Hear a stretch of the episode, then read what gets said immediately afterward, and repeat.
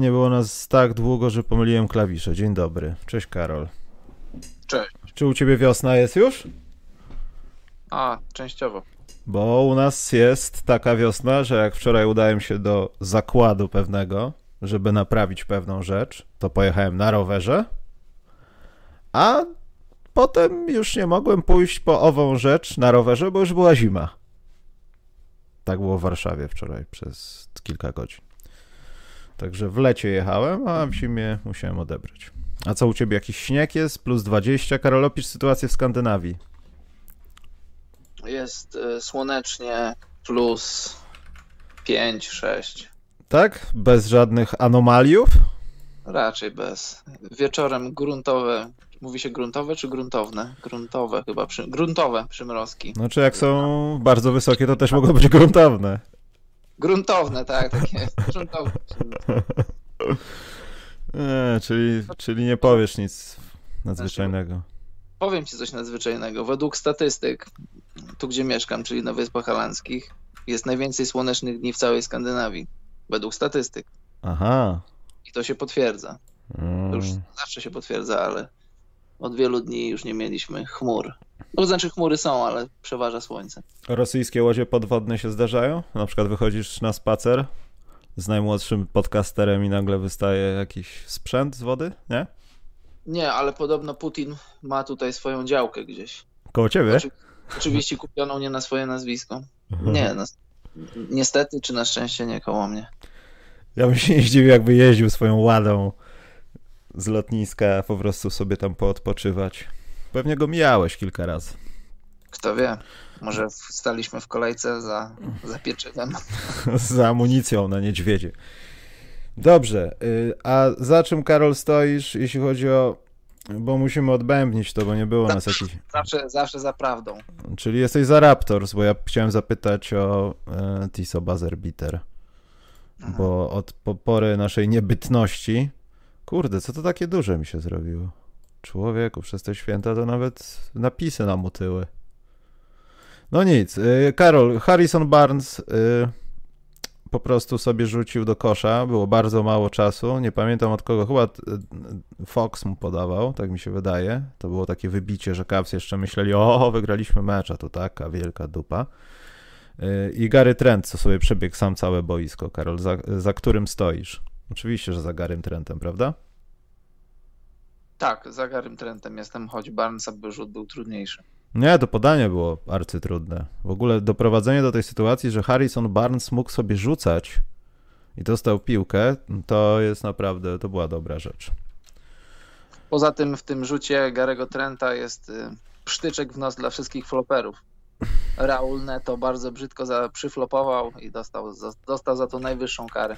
No ale czy on przyflopował? Może po prostu słaby No. jest fizycznie i dostał w odpowiednim miejscu punkcie, jak był rozpędzony i się przewrócił. Ale dostał, Przyflopował. może. Co? Nie, to nie był flop, Karol. Był. Flopują inni zawodnicy, o których porozmawiamy zaraz. Porozmawiajmy, Karol, o tym, co się wydarzyło po trade deadline, bo tam w międzyczasie jeszcze pojawiły się kości Lamarcusa Aldridge'a e, w tym, jak się ta drużyna nazywa, co nie ma młodych zawodników, a w Nets. I chyba o tym, Karol, nie musimy rozmawiać, że Nets sobie przygruchali kolejnego zawodnika. O Dramondzie i tym, że Gasolowi jest z tego powodu smutno, też chyba bym nie chciał, bo nie wiem, co da im tak naprawdę Dramond, jak nie zobaczę wszystkich na parkiecie z, z tego wielkiego, cudownego zespołu z Los Angeles. Natomiast Karol Orlando Magic. Mm? Oni są fatalni. No Są- i oni chcą tak być. Oni są fatalni, chcą tacy być, ale oni są jednocześnie, moim zdaniem, ja wiem, że to, Jezu, ile takich drużyn było, że te nazwiska, że tak pięknie, że to przyszłość, młodość, trust the process i nie będę przeklinał. Ale Orlando Magic naprawdę ma, ma i może mieć uzdolniony zespół. Bo po tej wymianie, nie wiem, no chociażby ten nieszczęsny mój Wendell Carter. On wygląda lepiej niż Chicago, bo gra się nimi lepiej. Ja wiem o tym, że to jest zupełnie inna drużyna i tam każdy może robić to, co na WF-ie. Macie piłkę i gracie chłopaki, nie przynieście wstydu, żeby tam nie było 60 różnicy, ale też czegoś się uczcie, tak? I wydaje mi się, że Orlando patrząc też na Chicago, bo Chicago ja jestem, ja, ja jestem podjarany tym. Ktoś pomyślał tam coś w końcu i, i powiedział y, głośno niektórym osobom won, musicie się dostosować do pewnych rzeczy, albo będzie wyjazd zaraz. Y, Orlando niechcący może, może wygrać na tym wszystkim. Na tym, że zrobiła to, zrobili to właśnie tak raptownie, pozbywawszy się wszystkiego, co się da za odpowiednie komponenty. To mi się podoba. To jest jak dla mnie, Karol, na plus od tych właśnie rzeczy po trade deadline. Jak najbardziej, bo oni w końcu poszli po rozum do głowy i pomyśleli sobie, że e, po co walczyć o to, żeby wejść do playoffów, bo, to, bo to playoffy nie, nie, były pewne w Orlando od tych kilku lat, kiedy wchodzili do playoffów, a to nie jest aż taka długa historia. Po co zabijać się i dać sobie prawo do tego, żeby przegrać w następnych czterech czy pięciu meczach, będąc ósemką czy siódemką? Ani Wucewicz, ani Aaron Gordon, ani Fournier to nie jest wielka trójka, żeby z nią zdobywać mistrzostwo. To nawet nie jest trójka, z którą wchodzisz do drugiej rundy. To jest trójka, z którą walczysz o playoffy. Podkreślam słowo walczysz. Więc najlepiej to wszystko zaorać, co Orlando zrobiło i później zebrać owoce tego czegoś za, za lat kilka. Im wcześniej dla Orlando, tym lepiej, ale to jest, to jest długi proces i moim zdaniem fani Orlando powinni się cieszyć, bo, no bo to, jest, to, już, to już jest sufit Moim zdaniem Wucewicza. Wucewicza życzę mu jak najlepiej, ale on ma 30 lat, on taką topową koszykówkę może pograć, no, no już no nie, nie chcę strzelać liczbami, 3 lata, maksymalnie 4, ale na pewno już mniej niż więcej. Aaron Gordon, o którym być może będziemy za chwilę rozmawiać, fantastycznie się, się wprowadził do, do Nuggets, ale wprowadza się jako opcja maksymalnie czwarta w ataku. Z Fornierem gorzej, co? Z trochę gorzej, ale to też widzisz, no to są to, to, to, boisko weryfikuje. Masz zawodników, którzy są błyszczący w drużynach słabych lub średnich i oni później gdzieś tam się wtapiają w drużyny lepsze i wtedy te drużyny lepsze weryfikują ich rzeczywistą przydatność całej tej trójki, która odeszła z Orlando. No to, to, to jeszcze raz, czy z czymś takim chcesz 5 lat wchodzić do playoffów tylko, żeby odpaść w pierwszej rundzie, czy spróbować to zakopać i, od, i, i odkopać coś nowego. I, I, bardzo dobrze, że Orlando się w końcu zdecydowało na ten ruch. Chicago gra ostatnio, no, ma, ma, wielką serię dwóch wygranych meczów z rzędu. Oni trzech wygranych nie mieli, z, ja kiedyś to sprawdzałem, podliczałem to już bardzo długo. No więc właśnie, i więc y, no, myślę, że mają szansę zrobić playoffy, a jeśli nie playoffy, to tylko play-in, ale, no, ale gdyby im się nie udało, to ten pik, który wędruje do Orlando już może być atrakcyjny, plus te kolejne, plus wszystkie te rzeczy, które, które Orlando dostało od drużyn, z którymi handlowało, jak, jak dla mnie bardzo dobra baza pod to, żeby, żeby, się, żeby się piąć już tylko w górę. Ja tutaj też nie chcę się doszukiwać, że to jest pierwsza z tych wymian, bo w ogóle, ja nie wiem, czy to jest Karol prawda, ale ja sobie aż zapisałem. Ja co roku jakoś też, znaczy co roku, no różnie bywa trade deadline, ale jak podało e, NBA na NBA Media Central tegoroczny trade deadline, e, był rekordowy pod względem trzech kategorii, że 16 e, transferów, 23 zespoły biorące udział i 46 mhm. graczy biorących udział w tym wszystkim. I ja wiem, jak to jest. Ty chcesz przeważnie, jeśli dochodzi do jakiejś wymiany, no to wiadomo, priorytet, priorytetem jesteś ty ty musisz osiągnąć jak największą wartość zwrotną, żeby to wszystko się składało, albo ponieść jak najmniejsze straty, wszystko jedno. Natomiast patrząc na Orlando, to no ja nie wiem, czy oni ponieśli straty. Oni musieli oddać ludzi, których i tak by musieli oddać, bo jak mówiłeś, oni nie będą i nawet z tymi ludźmi nie walczyliby nawet o playoffy. Bo ta drużyna ma taką wyrwę. Miałem takie wrażenie. Mieli Gordona, lepszych włócza, lepszych graczy i i nagle jest dziura i są ci hipermłodzi. Jonathan tak. Isaac bez kolan, Bamba, który czasami nie wie jest na jakim świecie, więc może warto po prostu było pójść w tą stronę tej wyrwy, bo tych playoffów pewnie nie będzie przez kilka lat, ale wierzę, że Bamba, zwłaszcza Wendell Carter Jr., który jest dosyć mocno ograniczonym zawodnikiem, E, ale tam, gdzie trzeba walczyć pod koszem, jest świetny i grać w pick and rollu. Hampton, który będzie kimś, myślę, no nie za, dwa, za dwa, trzy sezony będzie kimś, albo będzie mógł zacząć myśleć, że będzie kimś. E, Markel Fultz dojdzie do siebie, Colantony dorasta, bo pierwszy sezon w lidze. To jest zespół, który, któremu jeszcze ten, jak on tam, Czuma Ekeke? Okeke? Tak, Okeke. Tak. To jest naprawdę zdolna grupa ludzi. Jak najbardziej, tak. Oni, no, zrobili krok do tyłu. Przepraszam, Gary Harris, na którego jeszcze można tam trochę powierzyć. Jak najbardziej. I wcale moim zdaniem nie jest jakim, jakimś szalonym, e, szaloną wizją, żeby zobaczyć, że Orlando w przyszłym roku już gra o play-in. Nie wiem, czy, czy ta formuła się utrzyma, ale jeśli się utrzyma, to w top 10 Orlando może być spokojnie. Jeśli będą chcieli, bo jeśli dalej będą chcieli się maksymalizować poprzez tankowanie i poprzez tam zbieranie talentów, to, to, to może faktycznie tak będzie, bo zobacz, my tu mówimy, mówiliśmy o tym piku, który przyjdzie do Chicago, ale trzeba też powiedzieć o ich własnym piku, przecież oni teraz tankują, chociaż nie, jeszcze nie tak brzydko, bo to jeszcze nie jest ten czas. Jak na ten moment są, e, są czwartą najgorszą drużyną w NBA, a ta zreformowana formuła sprawia, że, że nawet będąc czwartą drużyną możesz wylosować jedynkę, masz na to niemalże równe szanse. To, to gdyby to, co dostaną z własnego wyboru, plus to, co ewentualnie dostaną, nie ewentualnie, tylko na pewno dostaną z Chicago, tylko pytanie, co to będzie, to, to, to, to już w przyszłym sezonie mogą pukać do, do play-inu, jeśli będą chcieli. Ciekawe, czy to będzie taka Atlanta, czy będą trochę w tym takim y, dołku odbudowy. No to jest zawsze, to jest zawsze Floryda. Może to nie jest, może to nie jest Miami, nie jest aż tam super atrakcyjnie, ale masz Disneyland i masz i nie masz, nie masz podatku stanowego i masz dobrą. No to jest największy atut. To jest, to jest zawsze lepiej niż w Memphis, zawsze lepiej niż w jakimś Milwaukee czy, czy różnych takich innych Dobrze. mniejszych miejscowościach. To skoro jesteśmy jak gdyby na pokłosiu tej wymiany, to ja sprawdziłem, Karol, i bo ja o Chicago chciałem teraz, mhm. że podczas trade deadline, ja nie mówię jakiejś wymiany czy coś, kiedy, Karol, twoim zdaniem Chicago Bulls zrobiło najlepszą wymianę podczas trade deadline? Ja nie mówię teraz, nie? Bo te, teraz, właśnie teraz, tak. Znaczy jest kilka takich pewniaków, że po, pozbyli się kogoś takiego za wszystko jedno, co nawet za puszkę Pandory, e, tylko żeby oddać jakiegoś takiego zawodnika, jak na przykład Larry Hughes. Podczas trade deadline to nie pamiętam, ale podczas draftu wymienili Oldena Polinaiса za Scottiego Pippena. No to nie, no to głęboko pojechałeś, tak. No, ale... a tak ostatnio, nie wiem, nie pamiętam, raczej nic. Znaczy, można się kłócić i tak dalej, ale to był 2008 e, rok. E, a nie, przepraszam, bo to jest drugą stronę. To nawet, to nawet można powiedzieć, że, że nigdy. bo w 2008 roku pozyskali Larego Hughesa, oddając yy, no, wielu zawodników, w tym Bena Wallace'a.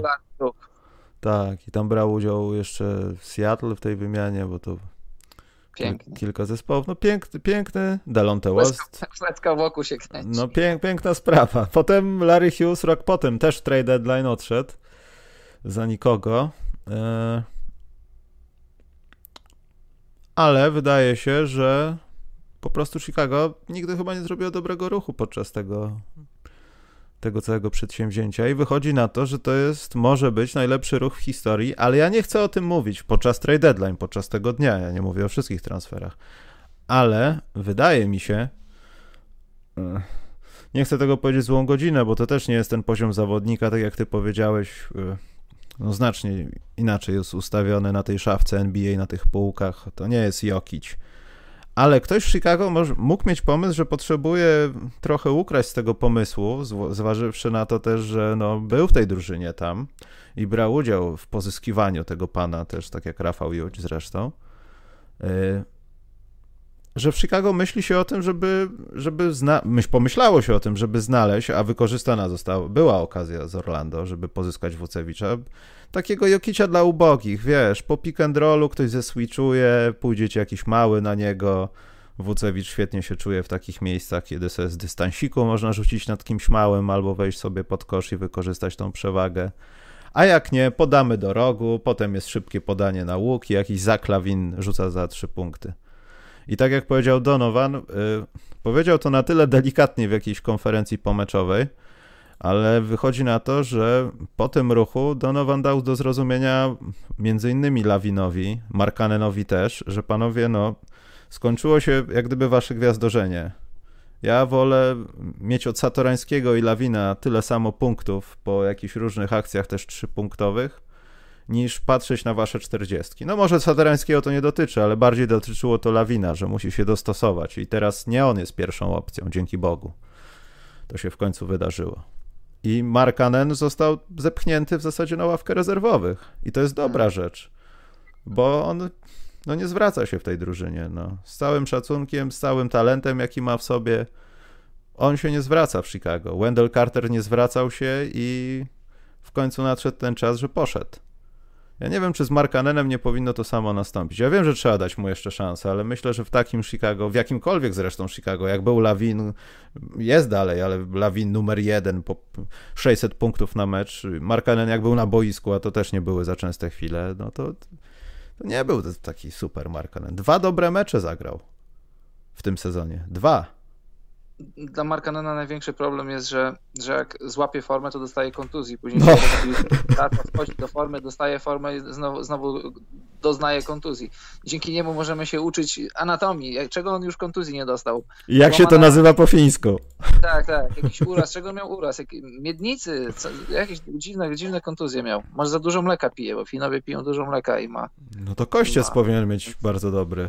A może, może, może ma tego za dużo ale podejrzewam, że e, jak już jesteśmy przy Markanenie, bo on będzie zastrzeżonym wolnym agentem teraz i podejrzewam, że jakieś tam oferty za niego były, ale pewnie nie były to jakieś nie, jakieś nie wiadomo co, więc warto poczekać, ewentualnie co rynek, jaką rynek cenę podyktuje za niego, bo raczej wątpię, żeby ktoś chciał strzelać pieniędzmi w niego i budować drużynę wokół niego, bo nie mamy na razie na to żadnych dowodów, y, nawet przesłanek nie mamy, nawet poszlak nie mamy ku temu, żeby myśleć, że można drużynę wokół niego budować, ale skreślać go jeszcze nie powinniśmy, jeśli Chicago go nie skreśla. Tak myślę, że go nie skreśla, skoro go nie, skoro go nie wytransferowali. Bo jeśli ktoś tam rzuci jakąś tam ofertą, to Chicago będzie mogło wyrównać, bo masz zawodnika, którego, który może być tylko lepszy, on już gorszy nie będzie, no bo on ten y, talent, wzrost, y, atletyzm, jak na białego Fina, on ma, rzucać za trzy punkty potrafi, to, to jego wartość jeszcze przez lata będzie. Na, Są jacyś inni Fini? Jeszcze... Finowie. Fini. Fini. Nie no, Finowie. No jest, no. Dużo, jest dużo, 4,5 miliona. Ale dobrze. E... Czekaj, bo ja znalazłem ten cytat. E... A mówisz, no. już znalazłeś cytat, bo mówisz, że y, Wucewicz to taki trochę y, Jokiś dla ubogich, to prawda. Ja bym powiedział, że ogólnie całe Chicago takie trochę Denver dla ubogich. Masz, masz y, no. Wucewicz, Wucewicz jako, jako tania wersja Niepodająca. Masz Lawina jako, jako e, Jamala Mareya, kogo tam jeszcze masz? No na przykład Markanena jako portera rzucającego, dużo takich odniesień. Trochę. Jakby ktoś chciał. Patrick Williams, nowy, nowy Aaron Gordon. W ogóle Patrick Williams powinien się podobać. Powinno się, powinno się trochę więcej o nim mówić, bo on nawet jeszcze 20 lat nie ma, a już robi rzeczy poprawnie, ja bym powiedział, poprawnie. Może nie jakoś rewelacyjnie, ani statystyki nie, tego nie pokazują, ani też jakieś tam nie wiadomo jakie zagrania, ale, ale nie można powiedzieć o nim nic złego. Jest poprawny na obu końcach parkietu i to, to chyba nie powinieneś wymagać więcej od 19-latka na ten moment. Znaczy, ostatnio, w tych ostatnich y, spotkaniach, w ogóle w tym ostatnim czasie, nawet przed trade deadline, zauważyłem, że im bardziej nie wiem, czy to zależy od drużyny, czy od trenera, no ale jedno i drugie zakładam, chociaż na parkiecie, no to potem już wychodzi tak, że z zawodnikami jest różnie. Kiedy Williams jest wykorzystywany jako, ej, ty jesteś przecież z tego draftu, przecież tak cię wysoko wybrali, gra i takie przeświadczenie, że wiesz, wszystkie oczy są skierowane na niego i, i potem jest różnie, a jak on jest tak schowany w cieniu i ma po prostu robić swoją robotę, tam pobronić komuś, poprzeszkadzać, też dołożyć się do ofensywy, ale nie być tym nawet drugim, trzecim, tam gdzieś trzeci, czwarty, piąty w tej piątce. Niech rzuci sobie 6 punktów, cokolwiek, ale będzie cały czas biegał koło jednego wyznaczonego, najlepszego prawdopodobnie gościa na tej pozycji i będzie go mordował tam. Nawet mając 19 lat, to już było widać czasami. To dla niego jest lepiej, po prostu. Może jest tego typu człowiekiem, że tak, a, nie patrzcie na mnie, co robię, jak mi nie patrzycie na ręce, to ja będę robił dwa razy więcej. To jest raz. A dwa, jak spojrzeć na historię NBA, no to ilu było zawodników wybitnych w wieku 19 lat? Potrzeba czasu. Zobacz, ja myślę, że jego kariera może iść w stronę, w stronę kariery Jalena Browna, już nie mówiąc Kałaja, bo to może trochę za wysoka półka, ale Jalen Brown też zaczynał od takich, od właśnie czegoś takiego, taki, taki poziom. Atletyzm, całkiem niezła obrona, dosyć poprawny rzut, później dokładasz do tego kozioł, przegląd boiska, podania, tego typu rzeczy i teraz masz Jalena Browna na poziomie All-Stara. Czy Patrick Williams kimś takim będzie? Yy, może tak, może nie, ale ma, ma atletyzm i ma, no nie wiem, ciężko to opisać, ale jak, jak, jak go widzę, to mi, to mi się kojarzy z Jalenem Brownem, żeby nie powiedzieć młodym kałajem też. Dobrze. To już może darujemy sobie z tym Chicago. A, ten cytat. Ten cytat dotyczył, że tam pozycji Markanena i Kobiego White'a właśnie. Kobe White. To jest kolejna, zdaje się, porażka Chicago, z której będą musieli się wymiksować, chociaż pewnie będą czekali do końca umowy debiutanckiej. E, bo, no nie wiem, no. Jeśli już od razu się mówi o tak młodym gościu, że oni będą razem z Markanenem pełnili istotną rolę w naszej drużynie, ale nie tak dużą i główną jak do tej pory, no to to już jest jakiś znak sygnał. Tak się mówi o ludziach, którzy mają po 30 lat i grają słabo, a są na wysokich umowach. A nie o kimś, kto, zwłaszcza Kobe White, no come on. No ale to może też nie ma co wyciągać jakoś daleko idących wniosków. Może akurat na ten moment, w tym ustawieniu, w ty, czy, czy tam w tym sezonie to, to będą. Ja się cieszę. Ja się cieszę, bo to oznacza na zawsze, Karol. Bardzo dobrze. Ktoś się już do nich uprzedził i bardzo dobrze. Niech będzie to Billy Donovan. Wygrywamy mecze, Karol. No dobrze, no dobrze. Ale Saturański jest w pierwszej piące, także też nie ma się co za specjalnie też jakby podniecać tym. No ale Sato dobrze gra. Ja wiem, ale to, już, to, to jest Tomasz Satorański, Karol. W NBA, wiesz. Dobrze, y, wracając do Denver, to Denver, Karol, nie przegrało spotkania od trade deadline według mojej, mojej kwerendy tutaj w statystykach. Od 25 marca nie przegrali spotkania.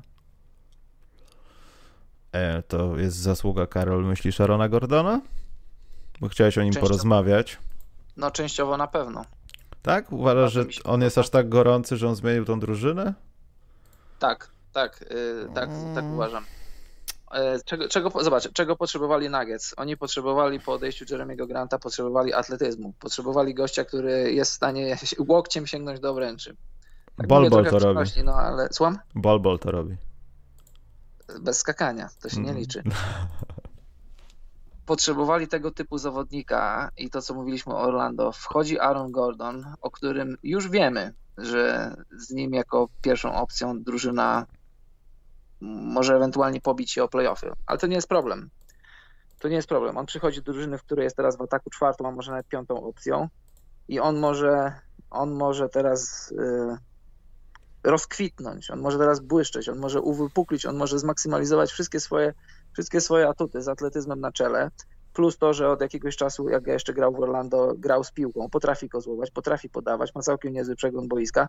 Moim zdaniem taki cały pakiet, jakby zebrać wszystko to, co on umie oraz to, czego nie umie, to, to jest na ten moment lepszym koszykarzem niż Jeremy Grant, a jest tańszy, trzeba to podkreślić, że jest tańszy, bo, bo Jeremy Grant zarabia po 20 milionów dolarów, a Aaron Gordon zarabia chyba 18 i 16 w przyszłym roku, to będzie schodzący kontrakt, więc zakładając, że gdyby coś tam się nie udało w Denver, gdyby wrócił na rynek na rynek taki, że no, ktoś go chce sprzedać, znaczy Denver chce go sprzedać, to ten jego kontrakt z pocałowaniem ręki każdy weźmie i, i to, jest, to jest bardzo duża rzecz dla, dla Denver, no ale póki co, póki co to, to, to, to pięknie wygląda. To, to są dopiero, ile tam jest meczów razem?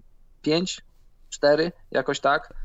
Oni jeszcze podejrzewam, że no jeden może mieli, dwa może mieli, bo mieli parę dni przerwy, ale takich kilku konkretnych treningów, już nie mówiąc o obozie treningowym, to nie mieli.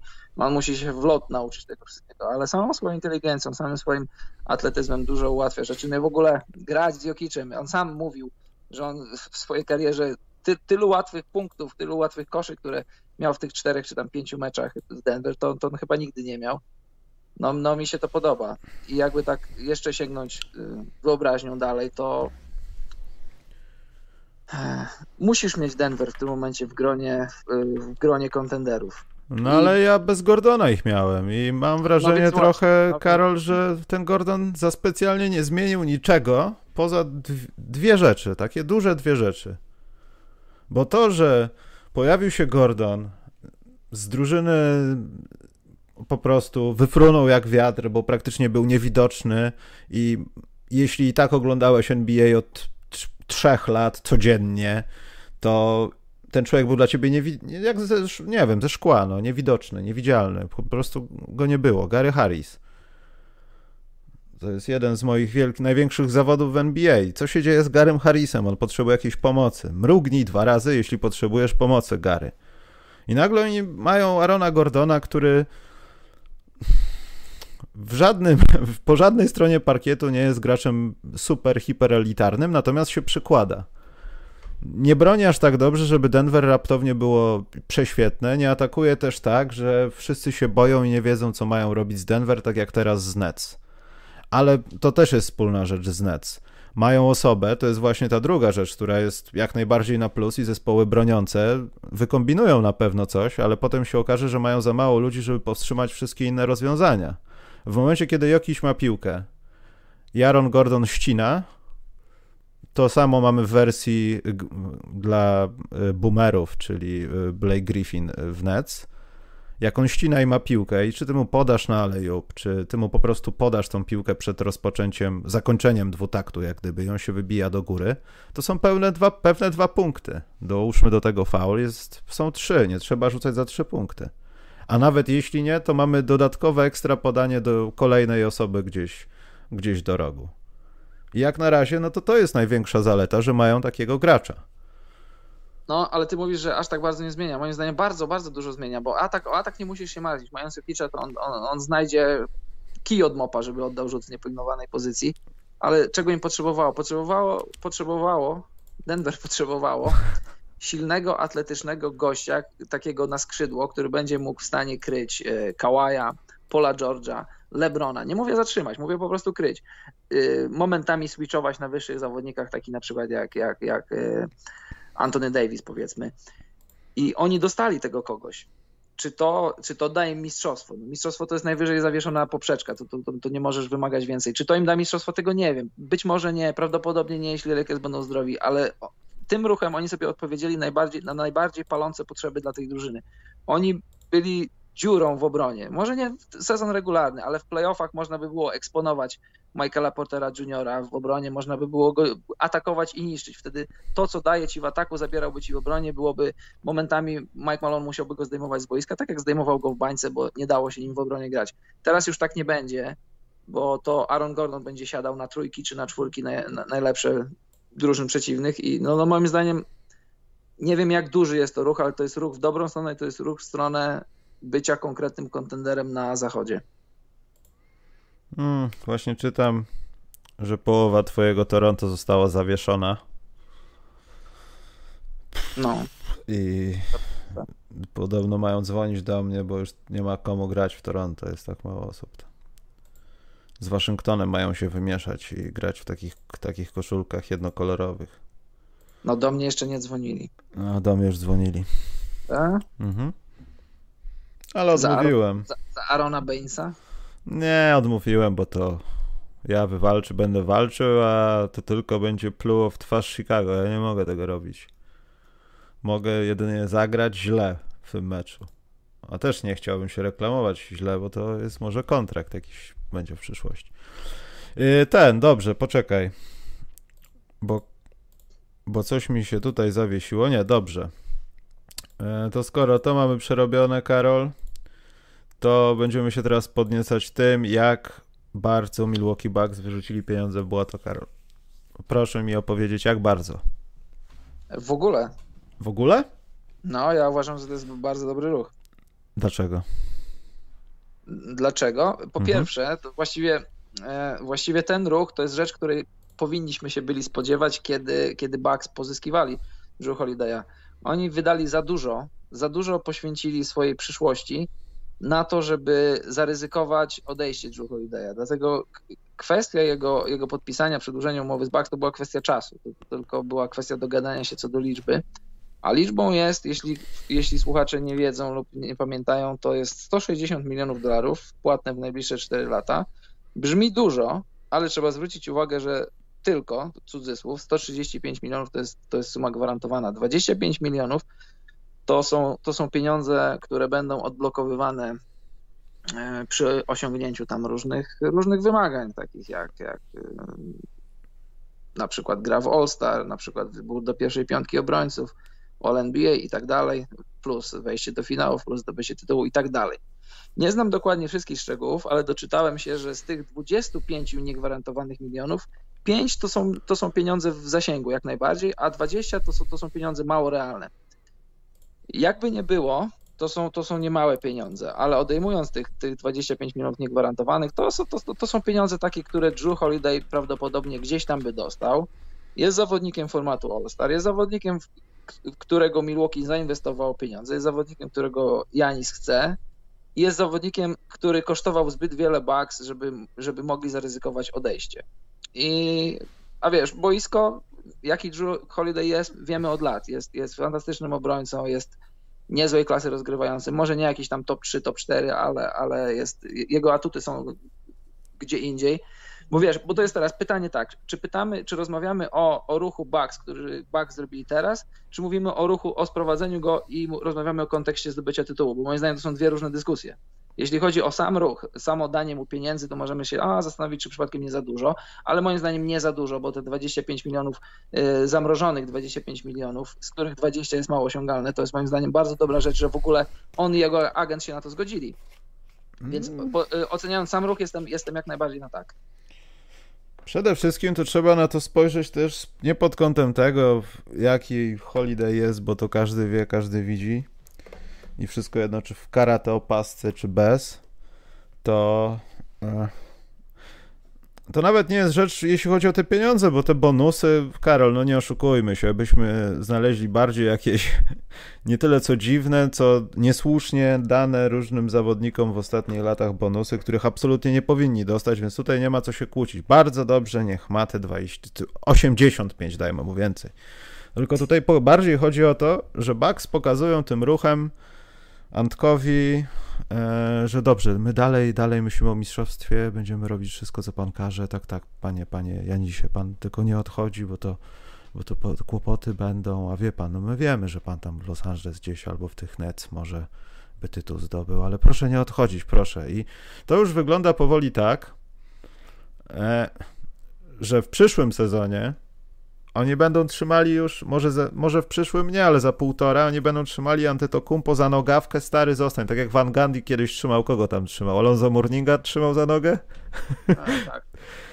Karol, z całym szacunkiem, ale Middleton, Antetokumpo, Holiday i pewnie za tam dwa miesiące pożałuje tego, to nie jest trójka zawodników, którzy wszystko jedno z kim grając e, zdobędą sobie mistrzostwo w tej lidze. Tak, tak, ale teraz widzisz, to już jest inna kwestia, bo to, to już od, musimy oddzielić dwie rzeczy. Decyzja o daniu pieniędzy Drew Holiday'owi i pierwotna decyzja, sprowadzenie go i zrobienie trójki, nie mówię wielkiej, tylko trójki, Antetokumpo, Drew Holiday i Chris Middleton jako trójka, jako twoja trójka, jako twoja odpowiedź na, na powiedzmy, no kogo? No na przykład Hardena, KD i Irvinga, na przykład y, Lebrona, AD i, i Draymonda. To, to, to, jest, to jest osobne pytanie. Tutaj jak najbardziej się zgadzam. Moim zdaniem jest trochę zbyt duży spadek w jakości, trochę zbyt duży spadek e, w talencie, jeśli chodzi o pierwszą opcję, czyli Janisa, i drugą, kto, kto, ktokolwiek by to nie był, czy to jest Middleton, czy to jest, czy to jest Holiday, to, to jest kwestia do dogadania, ale to nie jest aż takie ważne. Moim zdaniem, ja mam bardzo duży znak zapytania i na pewno nie mam Milwaukee Bucks w top, powiedzmy, no nie mam w top 3, top 4 drużyn które widzę zdobywające tytuł oczami wyobraźni w tym sezonie, to to jak najbardziej to się zgadzam z tobą tutaj. To, to, to są dwie różne decyzje, dwa, dwie różne kwestie do obgadania i no, no i co więcej. No wydaje mi się, wiesz, no, Antek Big Money, co pan robi z zawodu? Bitcoiny. Tak jak na tym wideo ostatnio, taki facet, nie wiem czy widziałeś, co kręci ludzi w drogich samochodach gdzieś tam e, w Los Angeles chyba. Tak, bo też, no, Nie, tu chodzi o to, że Milwaukee jest tym nawet jeszcze wielkim płaceniem Antkowi w tej przeobrzydliwie wielkiej umowie. Są na dobre i na złe przywiązani do tego gościa. I ten gość, ja nie chcę szukać tu jakichś kobizmów, jordanizmów, Antetokumpo decyduje, kogo my podpisujemy i z kim mi leży gra, ale Milwaukee robi trochę jak, wiesz, taka dobra matka, no a dogadujesz się z Drew, no to damy mu dużo pieniędzy, żebyście się mogli bawić razem. Chris też nie ma nic przeciwko temu, w sumie pożyczacie sobie matchboxy, a tak naprawdę jeżdżą sobie po dywanie w dużym pokoju, pokoju ale jak pójdą na dwór, no to nie potrafią jeździć tymi samochodzikami.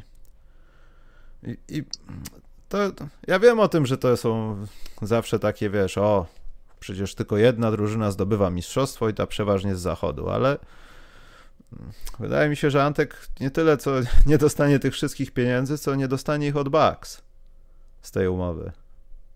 O, wiesz co, to też kwestia Janisa y, pozostania w Milwaukee i nie pozostania, żądania transferu, bo przecież kontrakt już ma, to też jest, to też jest temat ciekawy do obgadania.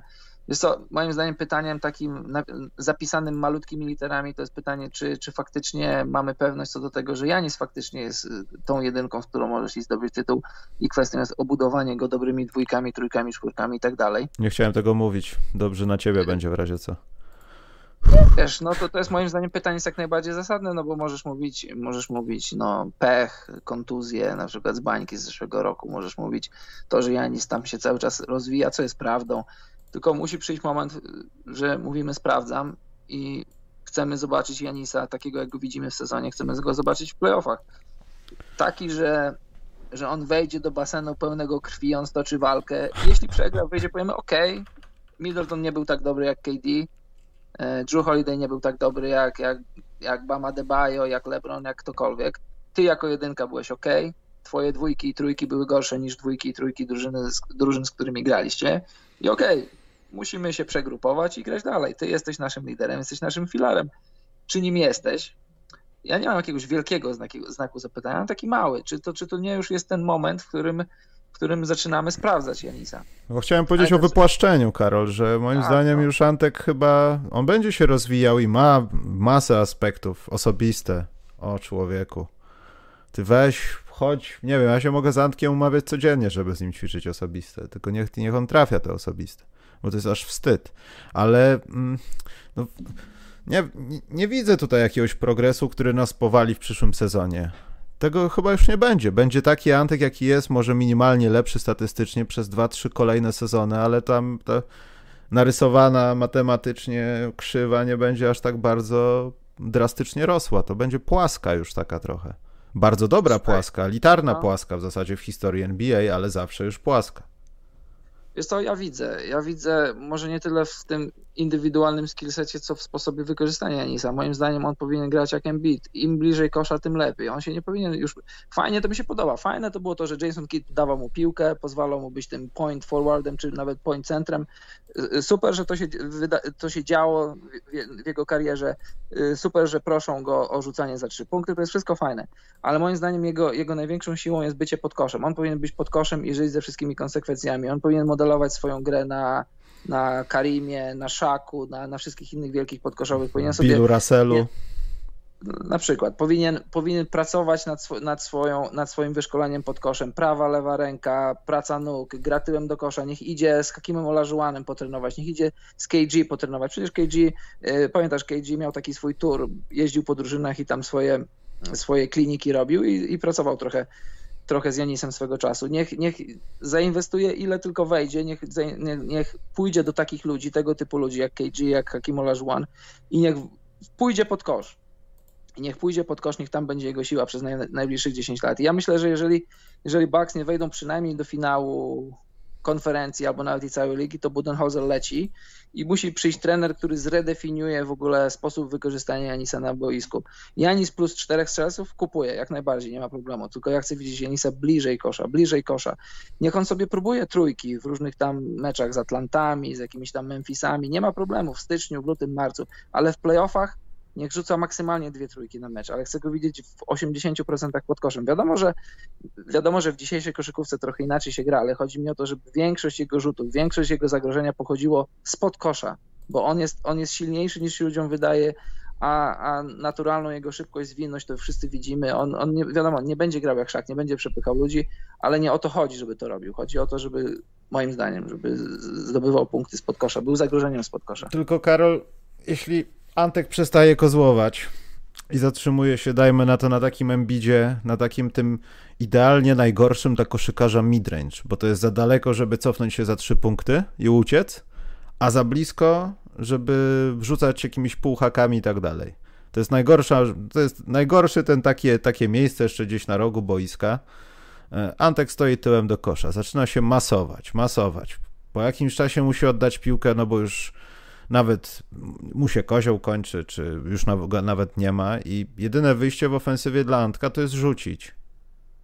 Po prostu oddać rzut z wyskoku, czego on może nie za specjalnie umieć robić. No ale wiesz, no jest, jest tyle różnych manewrów do, do wykorzystania. Natomiast jeśli ścinasz i ktoś ma rozsądnie piłkę i gdzieś tam nawet nie patrząc na ciebie operuje tobą, nie wiem, taki głupi Lonzo Ball znajdujący wszędzie Zajona, to, to właśnie może być to. Ja nie mówię o klepaniu wsadów przez cały mecz, ale znajdowanie właśnie tam Antka blisko obręczy, bo Antek moim zdaniem może nie mieć nawet warsztatu takiego pivotowego, postapowego, żeby bawić się z niektórymi ludźmi w takie posiadania, nie względu na siłę, tylko ze względu na warsztat. Embiid no, jeden, tak ale, je, ale jeden na jeden Embiid, jak patrzysz na to, co Embiid robi pod koszem, co Jokic robi pod koszem, Antek nie do końca to potrafi, patrząc z perspektywy tych dwóch panów. To nie jest takie bycie centrem, zapiwotowanie fajnie, fejkowanie czy coś, to dalej widać, że ty, ty nie jesteś jednak, jesteś takim skrzydłowym trochę bardziej niż centrem. Ale wiesz, gdzie jest problem moim zdaniem, bo, bo on ma włożone do głowy, że on nie jest centrem. Kimkolwiek by on nie był na boisku, on nie jest centrem. I on może nie, wchodzę w jego głowę, że on, że on unika tego, tego zaszufladkowania bycia centrem. Nie jesteś centrem, grecki friku, jesteś centrem i bądź centrem. Masz y, piękne pivoty, świetne spiny. Pracuj nad tym. Zobacz, jakie on ma długie ręce. On wystarczy, że zrobi y, y, gra tyłem do kosza, dwa kozły w stronę, w stronę kosza, wchodzi w pomalowane i, i taki baby, baby hook półhak, to, to, to jest nie do zablokowania. To, to jest rzut nie do zablokowania. Jest kwestia tylko wypracowania, wypracowania odpowiedniej no, powtarzalności. No, ja bym apelował do Janisa, żeby tak grał. ja bym apelował. Ja myślę, że ja myślę, że jeszcze raz mówię, Budenholzer leci, jeśli to się nie skończy tytułem albo wejściem do finału, no bo trzeba moim zdaniem zredefiniować przydatność Janisa, jego miejsce na boisku. I kto wie, czy nie za późno. Nie, no 26 lat to jeszcze, jeszcze dużo rzeczy możesz zrobić. Ale ja, ja nie mówię, mówię o Badenholzerze. A z Badenholzerem, no to tak, no to dlatego mówię, nie, jego się, jego się już nie da zreformować. On jest, on jest coachem bardzo dobrym. Nie, ale mówię o zrezygnowaniu z niego po prostu. Czy to nie jest po prostu trochę za późno? W sensie to i tak pewnie nastąpi, jak później. nie jest za późno, żeby zwolnić trenera, no co ty. Wcześniej można było to zrobić i. No owszem, owszem, można było. E, dobrze. Co, czyli co, teraz jest głównym tematem DeMarcus Cousins w Clippers. Kolejny raz z Rondo. Ja chciałem tutaj trochę prywaty odrobinę, bo e, w zeszłym tygodniu zakończyłem bój z Karolem fantazy. Przegrałem. Hmm. Widziałem, bo już Bradley Bill, dentka, KD, dentka, jeszcze tam jeden zawodnik, dentka. Musiałem kogoś wybierać z waiversów i pomyślałem, skoro i tak mam przegrać, to chciałbym przegrać jak najmniej. I wziąłem sobie właśnie Demarcusa Kazinsa, jak się wtedy mówiło, że może 10-dniowy kontrakt. No i wziąłem i nie żałuję. Tylko zastanawiam się, czy to razem z Rondo, co to przyniesie Clippersom wiele dobrego. Z tego, co a propos Rondo na przykład, no to jemu ma trochę zająć znalezienie odpowiedniego miejsca w systemie Clippers, bla, bla, bla, bla, bla. Nie wiem, po co im szczerze mówiąc w skrócie DeMarcus Cousins. Nie roz... Znaczy trochę to rozumiem, no potrzebujesz ciała tam na boisku. Musisz też mieć czym odpowiadać na tych ludzi ścianę obok, bo oni też mają tych wysokich, mają takiego bardzo dobrego w Cleveland grał i tam trzeba mieć ciała, żeby, żeby się z nimi tam przynajmniej pokokosić trochę pod koszem. Tak, to raz, a dwa w teorii, znaczy nie w teorii, kiedyś tak było, że zdrowy Demarcus Cousins to jest gość, który potrafi rzucić za trzy punkty i całkiem nieźle podać. I ile zostało Cousinsa w Cousinsie, to zobaczymy. Ej, w Houston to widzieliśmy. Poza tym on dostaje nagrodę za potraktowanie Morisa. On dalej MVP ma za to. Tak, właśnie. Trzeba, trzeba cały czas pamiętać o tym. I no to jest tylko 10-dniowy kontrakt, to, to nie ma żadnych. Y, będzie dłużej, będzie dłużej. Ja też myślę, ja też myślę, myślę, że go zostawią na sezon, bo, bo to, nie, to nie od Kazinsa będą przegrywać potencjalną serię z kimkolwiek, a, a Kazins na pewno. No, on już jest na takim etapie swojej kariery, to już nie jest, to już nie jest Kazins z Kings, to już nie jest Kazins z Pelikanów, że on rozdaje karty i jemu się wydaje. Jemu się już nic teraz nie wydaje bo on miał, on miał na stole do podpisania, jak już się kontuzjował, jak już zerwał Achillesa, miał, miał konkretne pieniądze do dostania e, z Pelikanów. Chciał przetestować rynek, bo wydawało mu się, że jest więcej warty, więc można powiedzieć, że on tak lekką ręką stracił jakieś 70 milionów dolarów, a teraz gra za jakieś grosze i on, on, on życie go nauczyło go pokory i teraz zobacz, od All-Stara do, do zawodnika, który podpisuje 10-dniowe kontrakty. Nie wiem, czy w historii NBA był wcześniej taki zjazd. Od All-Stara raptem, no nie wiem, nie pamiętam dokładnie, no ile, 18, 2-18 był All-Starem? Chyba był, później kontuzji dostał. To masz raptem 3 lata i od All-Stara do, do, do, zawodnika, który podpisuje 10-dniowe kontrakty. To jest, to jest kolosalny zjazd, więc ja myślę, że tutaj żadnych problemów z nim nie będzie. Jeżeli będzie zdrowie, jeżeli będzie jakiś tam 60-70% dawnego, dawnego Kazinsa, to Clippers to biorą w ciemno jak najbardziej. Hmm. Zaczytałem się, Karol, NBA Top Shots mnie oszukało. Oszukali cię? Dlaczego? No bo miała być informacja, kiedy wychodzi ten pak, który był dostępny dla wszystkich. Siódmy, już ósmy jest nawet i wzięli pieniądze, a zero informacji.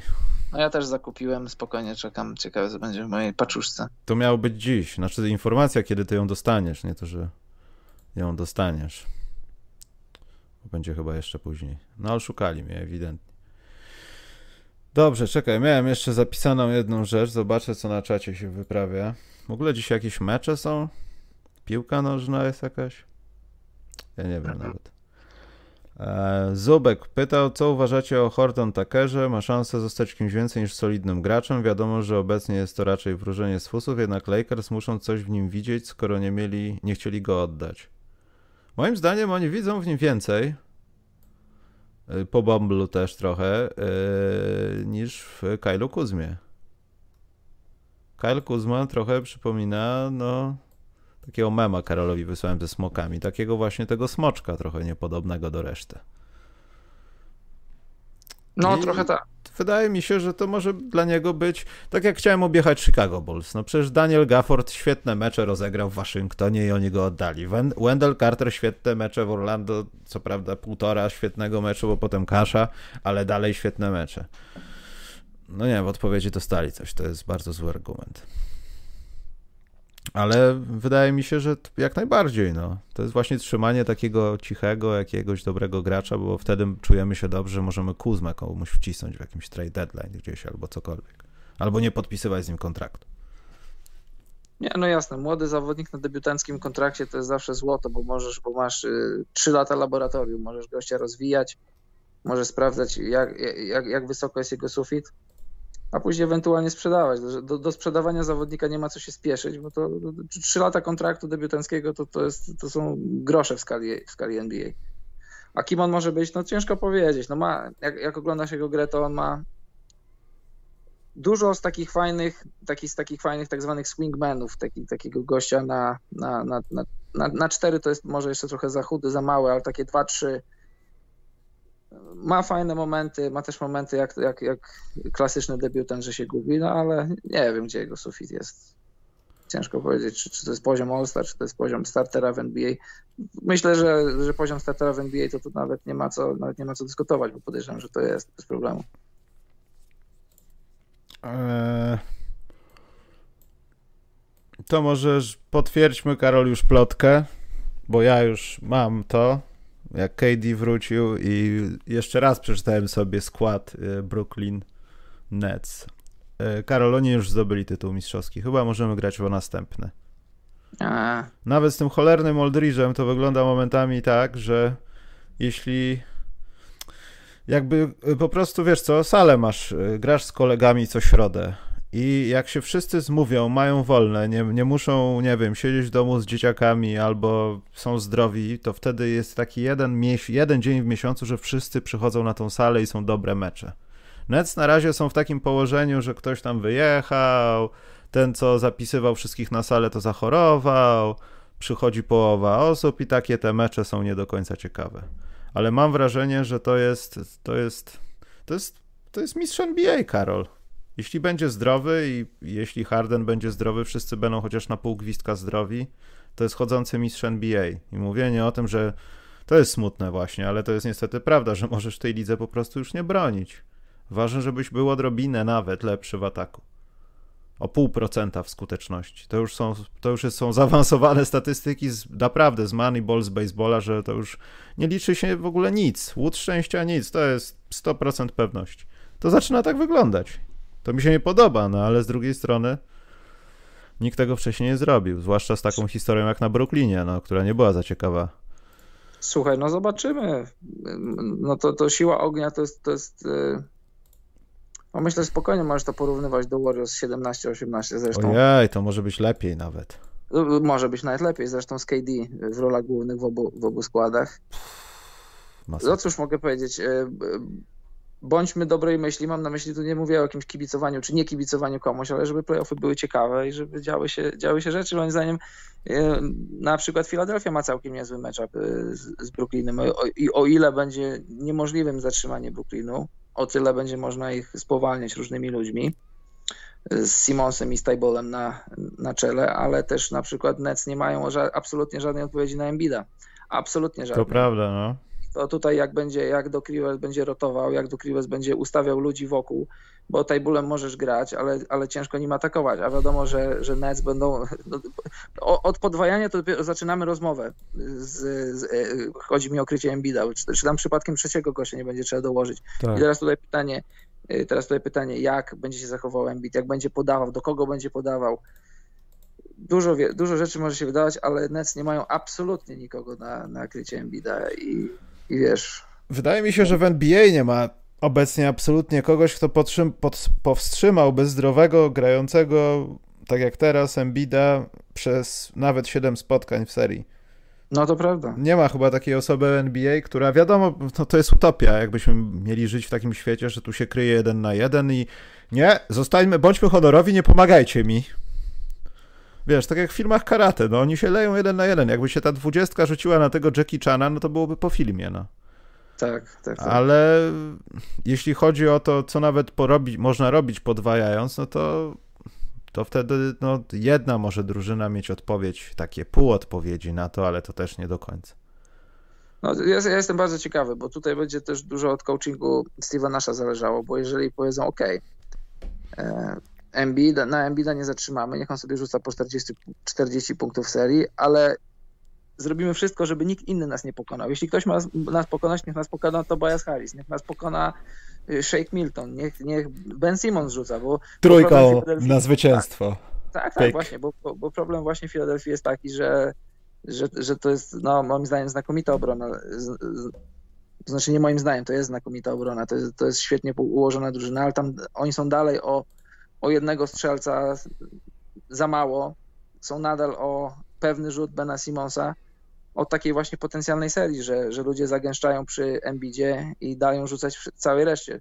Dużo będzie też od Harrisa zależało, bo jeżeli Harris będzie otwarty, to będzie on musiał trafiać te swoje rzuty, a przynajmniej na tyle, na tyle być groźny, że, że Nets będą się musieli dwa razy zastanowić, czy nie dorzucą trzeciego zawodnika na Embida, no bo KD jest, jest zniszczony przy Embidzie. Aldridge jeszcze bardziej, Aldridge nie ma nóg, Aldridge nawet nie, nawet, no Szkoda gadać. Ale poczekaj, poczekaj, poczekaj. Ja też no. bym tak nie skreślał tego KD, że jest tak poniszczony. Trzeba pamiętać o tym, że on nie, dalej... Ale, w kryciu, ale nie, ale chodzi mi w kryciu Embida. Nie, w takim nie, jeden na jeden, będąc na jego tyłku, że tak powiem, plecach, absolutnie nie. Natomiast no. kiedy zejdzie się na jakiś switch, i ktoś tam gdzieś zrotuje. KD, który wychodzi na Embida, który będzie próbował rzucać z dystansu albo próbował wjechać pod kosz, no myślę, że może mieć przewagę nawet w szybkości rąk. Wybije mu piłkę, zabierze mu piłkę. Nie musi go brać na klatkę piersiową, bo to się kończy ojomem, wiadomo.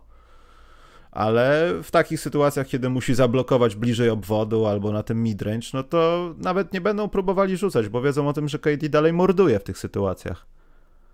Ja myślę, że to jest dalej ten poziom obrony, którą będziemy widzieć. To myślę, że te kontuzje to nie mają zbyt wiele wspólnego. Wiadomo, no, może tak wysoko i tak szybko nie zareaguje, ale mimo wszystko będzie tam.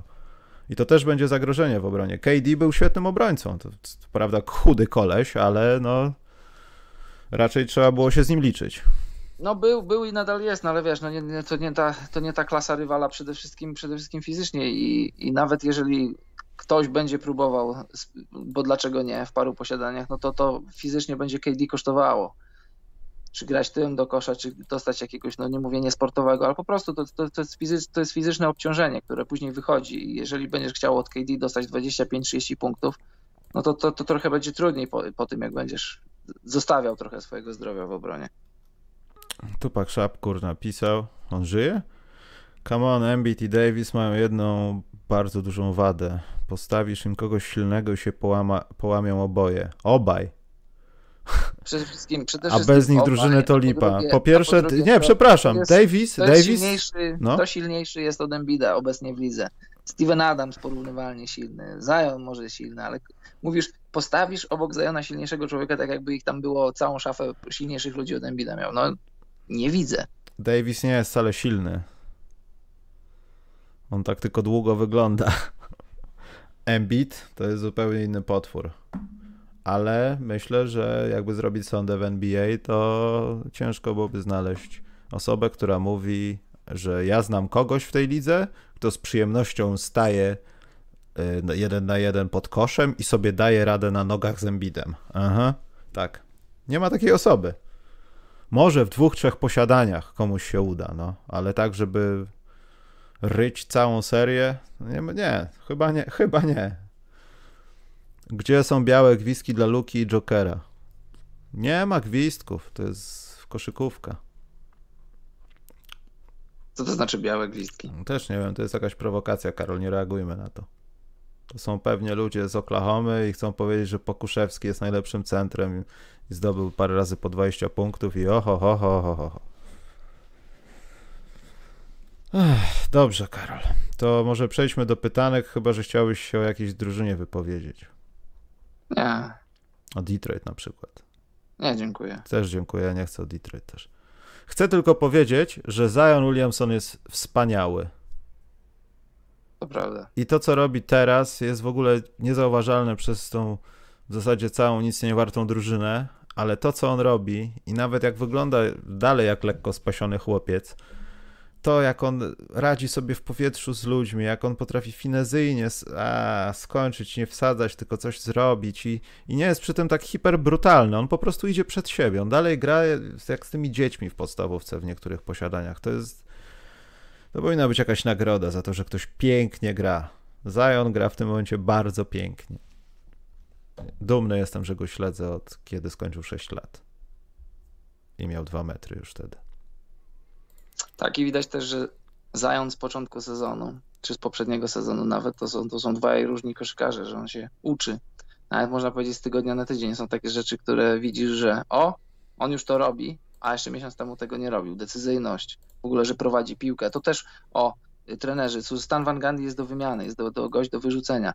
Mhm. Moim zdaniem, jeżeli, jeżeli Pelikany nie wejdą do, do play chociażby, a będą mieli jakieś dwa czy trzy mecze straty, to to jest wina Stana Van Gandiego, bo przychodzi gość i on jakąś tam, nie wiem, jakąś akademicką koszykówkę im wprowadza, wiesz, takie metodyczne granie, że y, co by się nie działo, to gramy. Nie, dawaj piłkę Zajonowi, resztę i on ma zaatakować. On dopiero teraz ostatnio zaczął to robić. Czemu oni wcześniej tego nie robili? Przecież na początku sezonu pamiętasz, mało tego, że nie dostawał piłki, to nawet w wielu końcówkach on nie grał. Nie wiem, czy go coś bolało, czy, czy nie miał kondycji, tego nie wiem. Oceniam to, co widzę na boisku, a widziałem to, że były momenty, w których Zajon nawet piłki nie dotykał w końcówce. Mówię, że teraz w ostatnich tygodniach to się zmieniło, ale od cholery meczów przegrały Pelikany na początku sezonu i żeby przypadkiem nie było tak, że dwa mecze straty i to będzie kwestia nie wejścia do play-inu.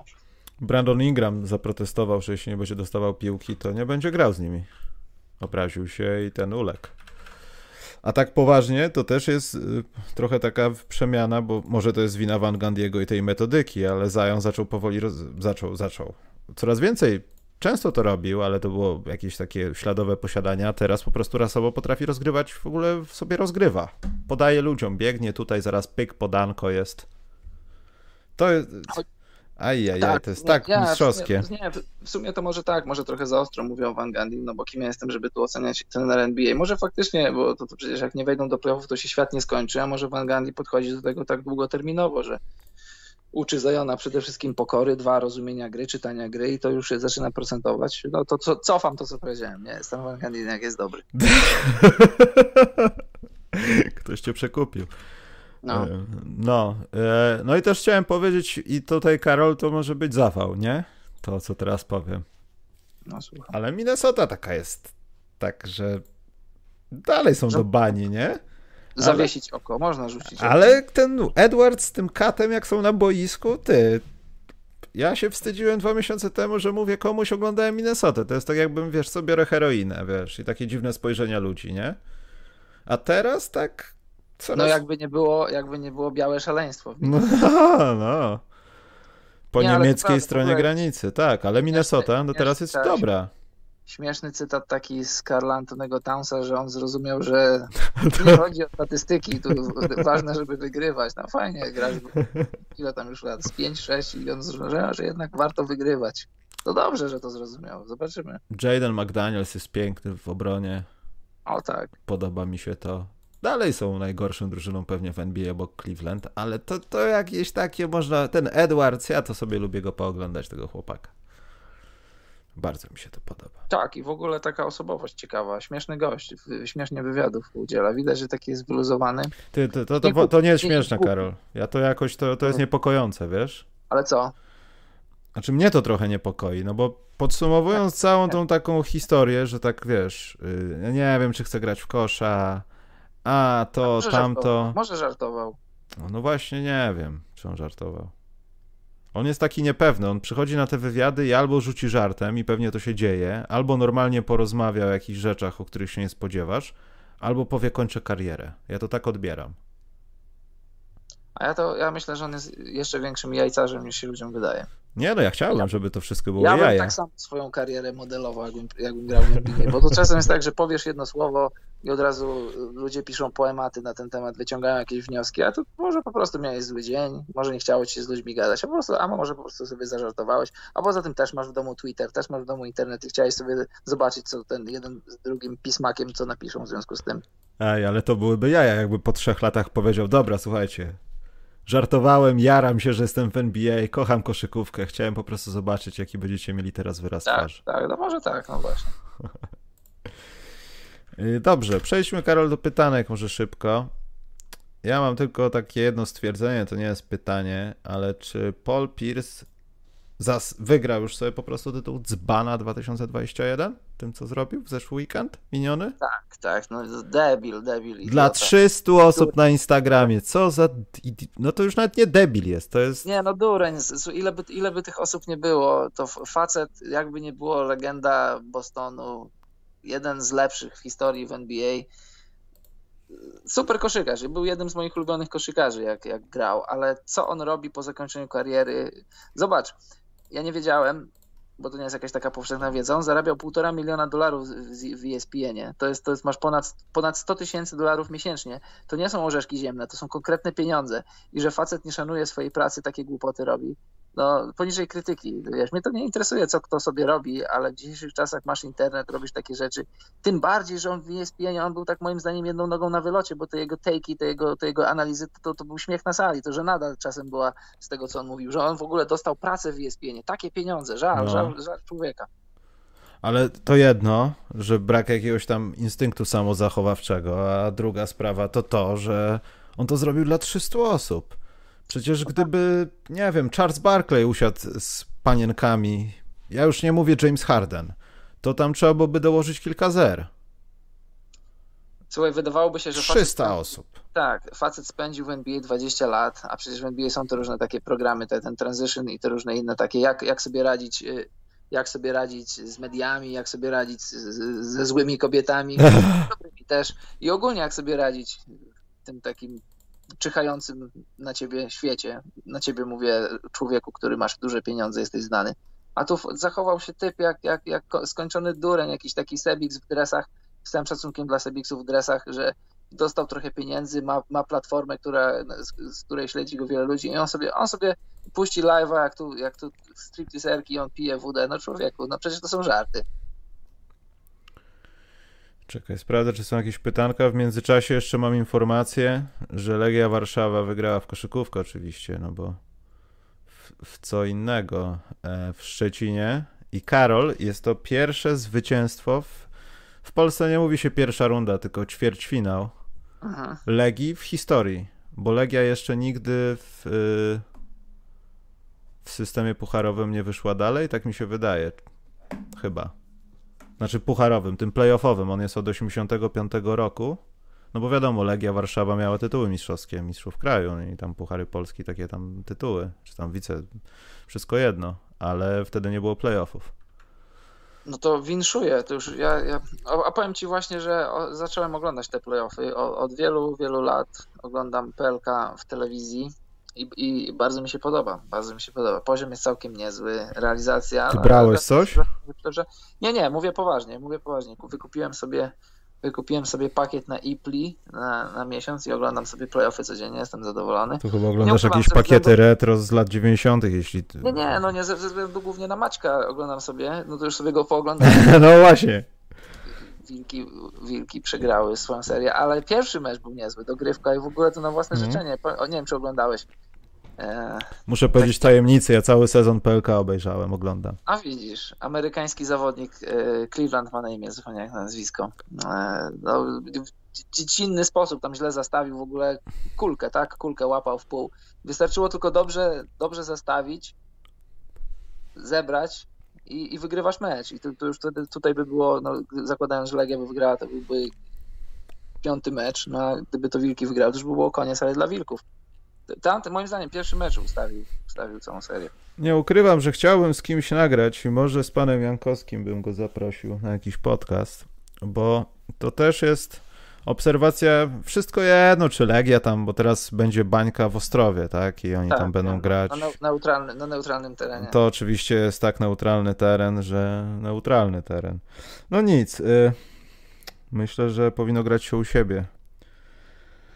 Albo grać bańkę cały sezon. No nieważne. Y, bardziej chciałbym powiedzieć o Warszawie. Jak, jaka liga, taka bańka. No, taki prezes. I słuchaj. Y, ja pamiętam, jak pisałem tekst, nie pamiętam, czy u siebie na bloga, czy do MVP, jak był, y, była ta informacja, że Puchar Polski w Warszawie, a ta Legia nie do końca, tam naprawdę bardzo złe sezony, zmiany trenerskie i tak dalej, i tak dalej. I ten tekst był bardziej w takim kontekście, co to da w warszawskiej koszykówce, która no, była na, na dnie, wynurzyła się na trochę, kiedy pojawił się e, AZS i pan Ponitka również i reszta chłopaków. I potem znowu była na dnie przez jakiś czas i tam pierwsza, druga, trzecia liga.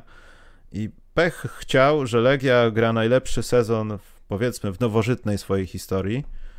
W momencie, kiedy ludzie nie mogą za bardzo kupować tego widowiska i do Ostrowa będę jeździł, a nie będę oglądał, wiesz, to, to jest straszny zbieg okoliczności. No cóż bo, zrobić? No, bo nawet nie... ciężko, wiesz co, poddać to ocenie, czy miasto zrobiło cokolwiek dobrego, bo też chciałem się tym zająć, wiesz, co to przyniesie. Minęło ile? Cztery lata? I nagle Legia jest świetna, ma świetnego trenera, dobrze wybranych zawodników, dobry system. Może reszta ligi jest super słaba, nie wiem, ja tego jakoś tak nie odbieram, ale grają najlepiej od nastu lat. I nagle COVID. No to jest pech. No cóż zrobić. No ale to już kiedyś rozmawialiśmy, bo tam nie rozmawiamy za często o PLK, ale rozmawialiśmy, że, że dobra drużyna w Warszawie to, to, jest, to jest dźwignia zainteresowania dla, dla koszykówki w całej Polsce. Moim zdaniem. Tym bardziej, tym bardziej wiesz, pod szyldem Legii. Legia to jest jednak to jest jednak wielka marka w Polsce. Wiadomo, piłkarska, no ale, ale pod, ta marka właśnie z racji tego, że jest tak rozpoznawalna w dużym mieście stołecznym, może dźwignąć koszykówkę. To dobrze dla koszykówki, no wiadomo, dobrze dla Warszawy. Ale cieszy mnie to, że że tam, tam naprawdę jest jakaś taka koszykówka, nie? Kupowanie za pieniądze mega nazwisk, które rzucą ci po 30 punktów, ale na koniec dnia i tak jesteś na minus. To jest taka fajna, fajna drużyna, w której ciężko pracujący zawodnicy grają. Podoba mi się to. Dobrze, pytanka. Pytanko. Kto pierwszy się połamie? Karol, musimy to szybko tak odpowiedzieć, po prostu nazwiskiem. Kto się pierwszy połamie w playoffs? Davis? Nikt. Żaden z nich. KD czy Embiid? Żaden z nich. E, Davis się połamie w playoffach, bo nie przyjdzie zdrowy na nie. Tak mówi moja y, kula.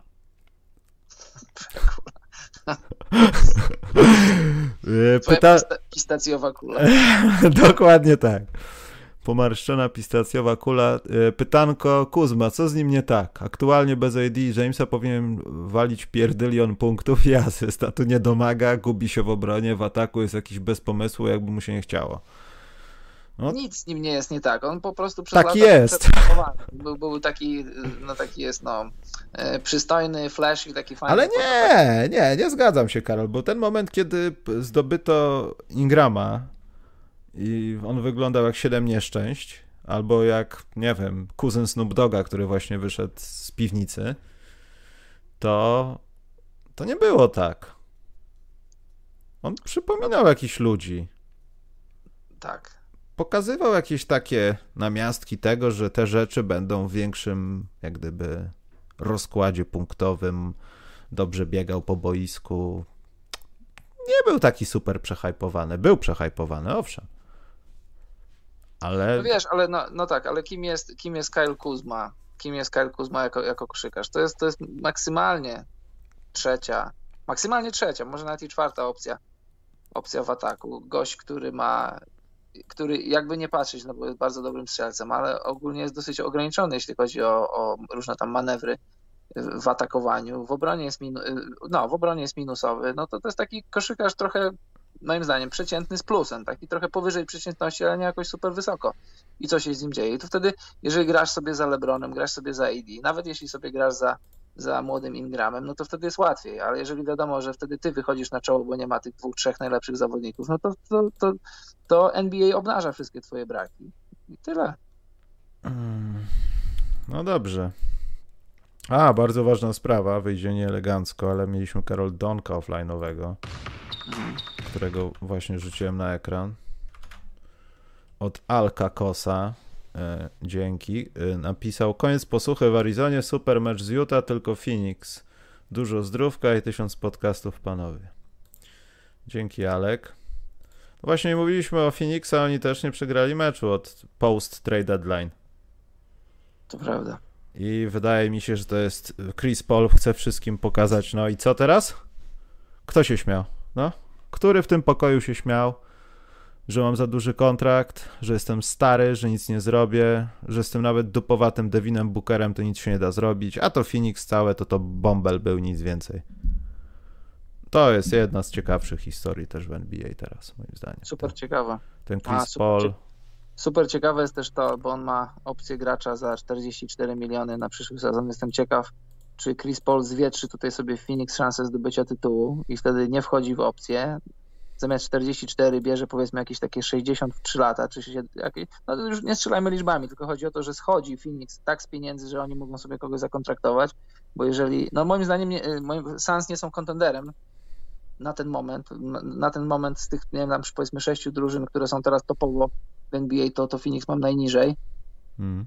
Nie wiem dlaczego, ale musielibyśmy o tym pogadać, ale, ale jak, w zależności od tego, jak Suns zakończą, zakończą playoffy, a może się zaskoczę, nie wiem, no nikomu nie życzę źle, to Chris Paul sobie wykalkuluje, że aha, może, może Phoenix jest szansa na ten tytuł.